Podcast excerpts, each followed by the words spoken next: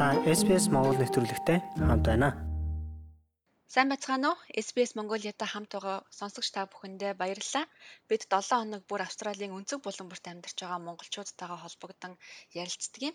Энэ удаад бид нэр баруун Австралийн Perth хотоос Нина агчтайгаа холбогдоод байна. Сайн уу? Аа сайн байна уу? За орой минь хүргэе. Нина агчаагаа танилцуулахад баруун Австралийн Куртны их сургуулийн докторант, анагаахын сэтгэл судлаач, сэтгэл засалж мэрэгжилтэй. Тэгэхээр баруун Австралида сэтгэл судлалын төвд 13 жилийн туршид ажиллаж байгаа юм хүн. За Нинагч та өөрийнхөө тухай танилцуулаач. Анх Австралид хизээ ирж бай, өмнө нь одоо мэрэгжлийн хаана эзэмсэн гэх мэт. Таны ажилдаг байгууллагын сайтаас би харахад таныг 3 улсын туршлагатай гэж танилцуулсан байсан. Тийм 1989 онд 10 жилээ төгсөөд тэгээд анх баруун зүүн Герман нийлж яхад 1990 онд Берлин хотод очиж сэтгэл заслын мэрэгчлэр анагаахын сэтгэл судлал гэдэг мэрэгчлэр сургуульд орж байсан. Тэгээд эндээ нөгөө нийгмийн өөрчлөлтөд шалтгаалаад бид нар бараг 11 жил амьдарсан. Тэгээ манай нөхөр хүүхдүүд тэгээ бүгдээрээ 2001 онд эх орондоо буцаж байлаа. Тэгээд амгаахын сэтгэл судлал гэдэг салбараар мэрэгсэн тэргээр бакалавр магистрийн зэрэг Германд хамгаалж байсан. Тэгээ Монголдо бас 4 5 жил ажиллаж амьдраад тэгээд одоогоос 15 жилийн өмнө одоо Австралид амьдрахаар Саут Австралийн Адлайд гэдэг хотод одоо виз аваад ирж исэн. Сэтгэл судлаач, сэтгэл судлал гэдэг өөрөө бас олон салбар руу одоо хөрвөж орж байгаа шиг байна. Зөвхөн хүний сэтгэлийг судлахаас гадна салбар бүрээр ангилагддаг тийм спортын анагаахын гэх мэтчлэн. Тэгвэл анагаахын сэтгэл судлал гэдэг нь яг одоо ямар зорилготой байдаг юм бэ? Анагаахын салбарын эмч ажилтнуудыг хэлж гин үү? Эсвэл энэ салбарт үйлчлүүлж байгаа өвчтний сэтгэл зүг хэлж гин үү? Та энэ талаар манай сонсогчдод тайлбарлаж өгөөч. Тэгэхээр анагаахын сэтгэл судлал гэдэг маань эрүүл мэндийн салбарын сэтгэл зүйн асуудлуудыг авч хилцдэг.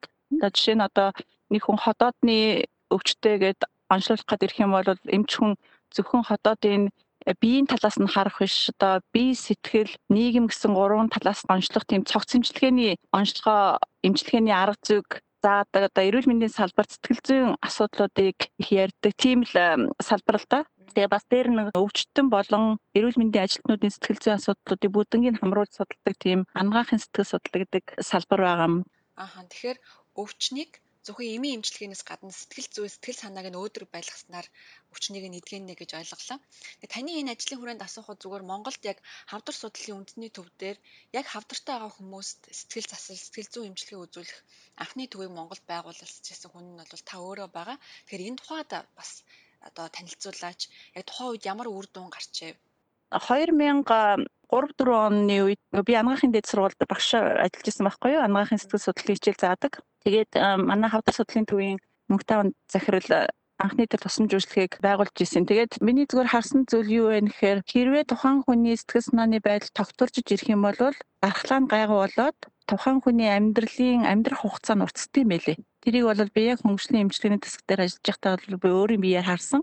Нөгөө хүн чинь нөгөө сэтгэлийн амтан болохоор хүний энэ дотоод сэтгэлийн хүч нь эдгэрэлтийн процессд маш их нөлөөтэй гэдэг нь бүр судалгаагаар гарсан байдаг юм байна л да. Хүний нөгөө дархлаа маань хүний сэтгэл зүйн байдалтай шууд уялдаатай байдаг болохоор сэтгэлээ ямар хөө байдал байлгах нь тухайн хүний дархлааны системд нөлөөлөөд тэгээд эмийн эмчилгээг нь дэмжих үү, дэмжихгүй юу гэдэг тал дээр дотроосоо нөлөөлж идэг гэж байгаа байхгүй юу? Энийг яг өнөөдрийн нөхцөл байдалтай холбоод үзэх юм бол одоо ковидын цар тахлын үед бид нар дархлаагаа дэмжээ гэвэл сэтгэл санаагаа тайван өөдрөг байлгах нэг арга байна.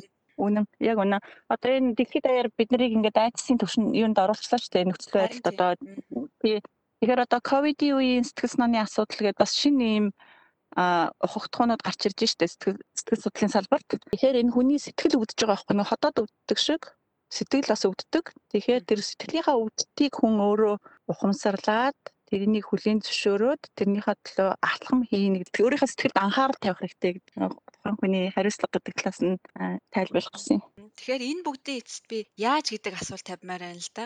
Хэл яриагаараа эхний удаа юмаа хуваалцах маш их чухал гэж байгаа Тэгэхээр юу гэсэн үг вэхээр одоо жишээ нь манай энэ Австралид айгүй олон монголчууд ирж амьдарч байгаа шүү дээ. Энэ яг манай монголчууд сонсож байгаа. Тэгэхээр энэ нөгөө Австралийн хуулийн дагуу бүх албан газрууд сэтгэл зүйн тусламж үйлчилгээтэй холбоотой байдаг байхгүй юу? Тэгэхээр манай монголчууд одоо хэрвээ сэтгэл санаа нь хямрах юм бол тэнд үнгүү боломж байгаа шүү дээ. Тэгэхээр байгууллагаараа болон сургуулаараа дамжаад бас өөрийнхөө сэтгэл санааг хэн нэгэнтэй очиж хуваалцах хүний тэр сэтгэл санааны байдалд байдлыг хөнгө хөнгөлөх тийм ихний арга нь байна. Тийм. Тэгэхээр тэрийг бодоод би хүн болгонд санал болгомоор байдаг л да. Манай сонсогчид бол ихэвчлэн яг Австральд амьдардаг монголчууд байгаа. За бусад улсуудаас бас сонссон байдаг. Тэгэхээр эх орондоо байжгаад гадаад улс руу амьдрна гэдэг бол бас манай өмнөх зочны хэлжсэн одоо hero to zero гэж нэг юм үзэгдэл болдог тий. Тааж бас Мгм. байгаа. Бид нар бол бүгдээрээ л энийг туулаад гарч байгаа. Монголд бид нар магадгүй ямар нэгэн байгууллагын захирал хийжсэн хүн энд хурж ирээд шинэ орчин, шинэ хэл, шинэ нийгэм, шинэ соёл бүх юм бүгдээрээ шинэ байдаг. Тэгээд бид нар амьдралаа яг зерогоос нь эхлэх хэрэгтэй байдаг. Энэ нь өөрөө бас хүний сэтгэл санаанд бас нэлээд өөрчлөлт оруулдаг. Та энэ тухайд бас сэтгэл зүйн хувьд бид нар ямар бэлтгэлтэй байх хэрэгтэй вэ? Тий, энэ бол аяг чухал сэдв. Тэгэхээр энэ дасан зохицлын хямрал болж байгаа л да бид нэр энэ дээр зөвлөхөд хэр их үн төлөх вэ гэдгээ бас бид нар бодох хэрэгтэй л дээ. Бид нар зарим нэгэн зүйлийн төлөө хит их яваад балансаа алддаг амьдралдах тийм ээ. Хит их ажил хийх ч юм уу нэг юмны төлөө хит их явснаас болоод эрүүл мэнд Хүнстэй орхигдуулдаг тийм. тий асуудал гэр орноо үр хүүхдээ тэгээ нийгмийнхаа хэрэгцээ тэгэхээр миний бие сэтгэл нийгэм гурав тийм ээ хэр их тэнцвэртэй байна вэ гэдэг дээр хүн дандаа нөгөө үнэт зүйл дээрээ өөрөө өөрийгөө гарч хянжихгүй болвол нэг юм руу өөрийгөө нөгөө хүн чинь алдахтаа айгүй хурдан байдаг л да. Тэгэхээр тэр тал дээрээ өөрийгөө тэнцвэртэй авч явахын тулд мэдээж ажил хийхин хажуугаар өөрийнхөө эрүүл мэндийг хөдөлгөөн, эрүүл хооллолт, нойр, сэтгэл санаа гэдэг энэ дөрвөн зүйлээ үргэлж хамгаалж тэрнийхээ төлөө анхаарал тавьж явах хэрэгтэй байна. Тэгэхээр бид нэр ингэдэг штэ. Оо би амиа бодохгүй бусдыгаа бодно гэх. Тэгэхээр хүн чинь өөрөө эцэст ганцаараа амьдарч байгаа байхгүй юу? Ганцаараа төрөөд тэгээд ерөөсөө айгүй их ганц хүний амьдралыг их хийж идэг. Мэдээж устдуудтайгаа нийгэмтэйгээ гэр бүлтэйгээ амьдарч байгаа. Надад юу хэрэгтэй вэ? Миний эрүүл мэнд, миний сэтгэл санаа, миний одоо нийгмийн амьдрал тэгээ аль аль нь чухал гэдэг утгаараа өөрийнхөө хэрэгцээг их сайн анхаарч өөртөө их анхаар тавих хэрэгтэй байгаа. Би өнөөдөр доктортай авах юм бол миний гэр орон доктортай тэгээд цаашлаад амьдрал маань доктортай байх нэ гэсэн гэж ойлголоо би. Яг үнэ. Мм, яг үнэ. Би таны ярианаас нэг ийм гурвыг маш их тогтоож авлаа. Бие, сэтгэл, нийгмийн уялдаа холбоо гэдэг үгийг та маш их Аа, хэллээ. Энэ бол. Энэ бол яг таны одоо ажиллаж байгаа салбарын үндсэн ойлголт тулгуур байх шиг байна. Та та энэ тухайгаа жоохон тодруулж яриач. Энэ ерөөсөө хүн чинь л биетэй сэтгэлтэй нийгэмтэй цогцоор амтан байхгүй юу. Тэгэхээр ерөөсөө энэ гурав чинь нийлж ижил бид нарыг бий болгож байгаа юм тий. Бидний бүх хэрэгцээ энэ гурван зүйлийн дор байгаа шүү дээ. Тэгэхээр ерөөсөө хүн амьдрахдаа өөрийнхөө хэрэгцээний төлөө амьдрдаг. Тэгэхээр өөрийнхөө хэрэгцээг алдагдуулахгүй тийм баланстай тэнцвэртэй авч явахын тулд энэ гурвыг гурван нь хийхээс өөр арга байхгүй байх нь л дээ. Тэгэхээр одоо хотод өвдөх юм бол эн чинь биеийн хэрэгцээ боловч сэтгэлийн сэтгэл санааны хүчин зүйл нөлөөлнө гэдэг байгаа шүү дээ. Аа.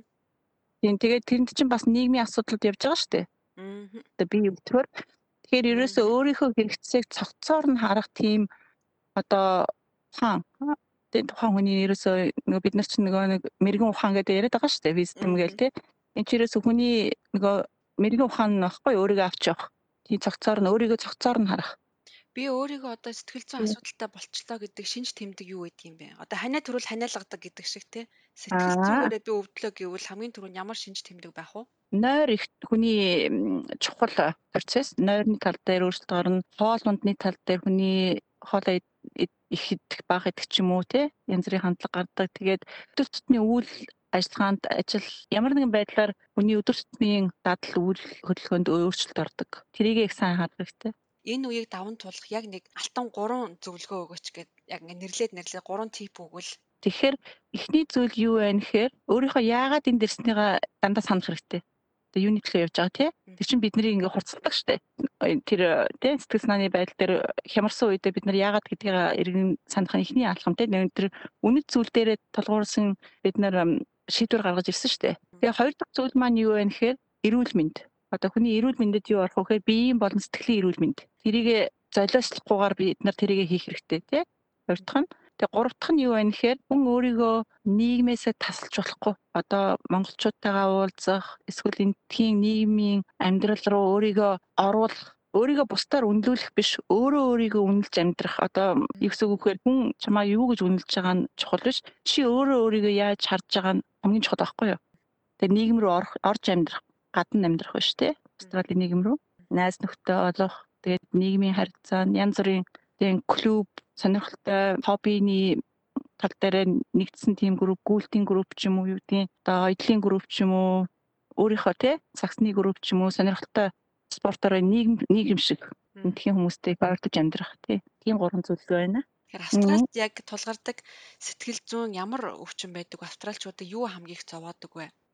Сэтгцэн эрүүл мэндийн асуудал, сэтгэл зүйн асуудал чинь энэ нийгэмшилтийн өвчин болсон шүү дээ. Хүмүүс их хоорондоо ингэж харьцаж амьдрах, тэгээ энэ хурдцтай нийгэмд амьдарч байгаа гэдэг утгаараа тэр нөө түрүүн оршин тогтнолын айдас гэж хэлсэн шүү дээ. Тэрэн дээр нэмэгдээд энэ айгүй олон юм дээр зовних айдасууд их үүссэн байгаа шүү дээ. Тэгэхээр тэр Айдсын асуудал бол номер 1 байна. Хоёрдугаар асуудал нь болохоор сэтгэл гутралын асуудал, одоо depression тий. Тэр хоёрдугаар асуудал нь байна. Тэгэл цаашаа гэр бүл сэтгэл санааны цочрлууд янз бүрийн аваар осолд орох, trauma гэж ярьдаг тий. Сэтгэл цочрох тийм эмгүүд бас их илбэг байдаг. Одоо энэ ковидтай холбоотойгоор олон одоо яг ялангуяа Австралид бол маш олон хүмүүс хөл хорионд байна. Тэг хөл хорионд их байхаар энэ сошиалт маш их автж байна л да. Тэгээ сошиал хүний сэтгэл зүйд ер нь яаж нөлөөлж байна вэ? Энэ хүний нийгмийн хөгжил бол дандаа сайн талуудтай байгаа ч гэсэн бас сөрөг талууд байгаа л да. Одоо сошиал биднэрт маш их олон талын эерэг зүйлсийг үүсгэж байгаа тий. Бид нар их сурч мэдэж хүмүүстэйгээ холбогдож одоо зөндөө их мэдээлэл авчин нөгөө талаасаа тэнд өөрийгөө яаж авч явах уу гэдэг дээр бас тухайн хүн өөрөө өөрийгөө зохицуулахгүй бол хит их юм юмд автах тийм эсвэл их сэтгэл санааны хямралд өртөх бусдаар дайрах юм уу, дайруулах юм уу янз бүрийн тийм олон хүн байгаа юм чинь олон айс цантай янз бүрийн хандлагатай улсууд байгаа болохоор үзэл бодлын зөрчил янз бүрийн гарах тал дээр тухайн хүн өөрийгөө л аятайхан авч явахгүй бол энэ бол маш их аюултай орчин байгаа шүү дээ. Яаж өөрийгөө баланслуул балансжуулж авч явах уу гэдэг дээр тухайн хүний өөрийнх нь л одоо ур чадвар сонголт байгаа юм тийм ээ. Миний хийж байгаа нэг ажил бол зөвхөн энэ сэтгэл судлалын салбараас гадна монголчуудаа хандсан ажлууд хийдэг. Тэрний нэг нь Баруун Австралийн номын сангуудад яг монгол хэл дээрх номуудыг байрлуулсан гэж би сонсч ирсэн. Энэ тухайга бас бидэнтэй хуваалцаач номын сонгуудад э, өөр өөр үндэсний хэл дээр айгүй олон номнууд харагдахаар нь би бас манай монгол номнуудыг тавьж болдго юм болов гэд хид хідэн газруутай харьцаа тэгээ 3 жилийн өмнө манай баруун Австралийн үндэсний төв номын санд монгол хэлний нэг хэсэг байгуулахад бас оролцож исэн. Тэгээд тэнд маань одоо нэг 30-аад ном байгаа. Одоо гадаад хүмүүс монгол хэл сурах бол тий авч хэрэглэхээ тийм хэл шинжилгээ монгол хэл сурах чиглэлийн Монголоо таниулах тийм чиглэлийн номнуудыг авчирсан байгаа. Тэгээ хоёр дахь номын сан нь болохоор сая энэ оны ихээр Belmont гэдэг дүүрэгт байгуулагдсан уран зохиолын номнуудын номын сан байгаа. Тэгээ бид нар 100-аад ном өгөөд тэгээд 40 50-ын 50-аад номыг хүлээн зөвшөөрсөн байгаа. Ягаад гэхээр нөгөө олон улсын бас бүртгэлд орсон байх шаардлагатай мэлээ. Тэгээд одоогоор бол 50-аад ном сан тэгээд номын сан маань нэгдсэн байгаа. Мгм. Энэ номын сонгууд бол яг баруун Австралид те одоо жишээлбэл би Виктория мужид амьдардаг гэхэд Викториягийн номын сонгуудад монгол хэл дээрх номоо байршуулах боломж байдаг юм уу? байгаа гэж би бодож байна. Ягаад тэгэхээр нэг Австралийн засгийн газар чинь энэ өөрийнхөө нутаг дэвсгэр дээр амьдарч байгаа өөр үндэстнүүдийн хэл соёлыг дэмжих бүр улсын бодлоготой санхүүжилттэй юм байлээ. Тийм болохоор Монгол сургууль ч юм уу, Монгол номын сан ч юм уу ер нь Монголын талаар үйл ажиллагаа явуулж байгаа хүмүүс өргөдөл бичээд тийм ээ. Аа Тэгээд тэр тодорхой байгууллагад нь хандхад бол тусламжийн тийм бүр цаанаас зохион байгуулалтаа санхүүжилт байдаг юм байлээ. Аа. Хаана хандна гэсэн үг үү?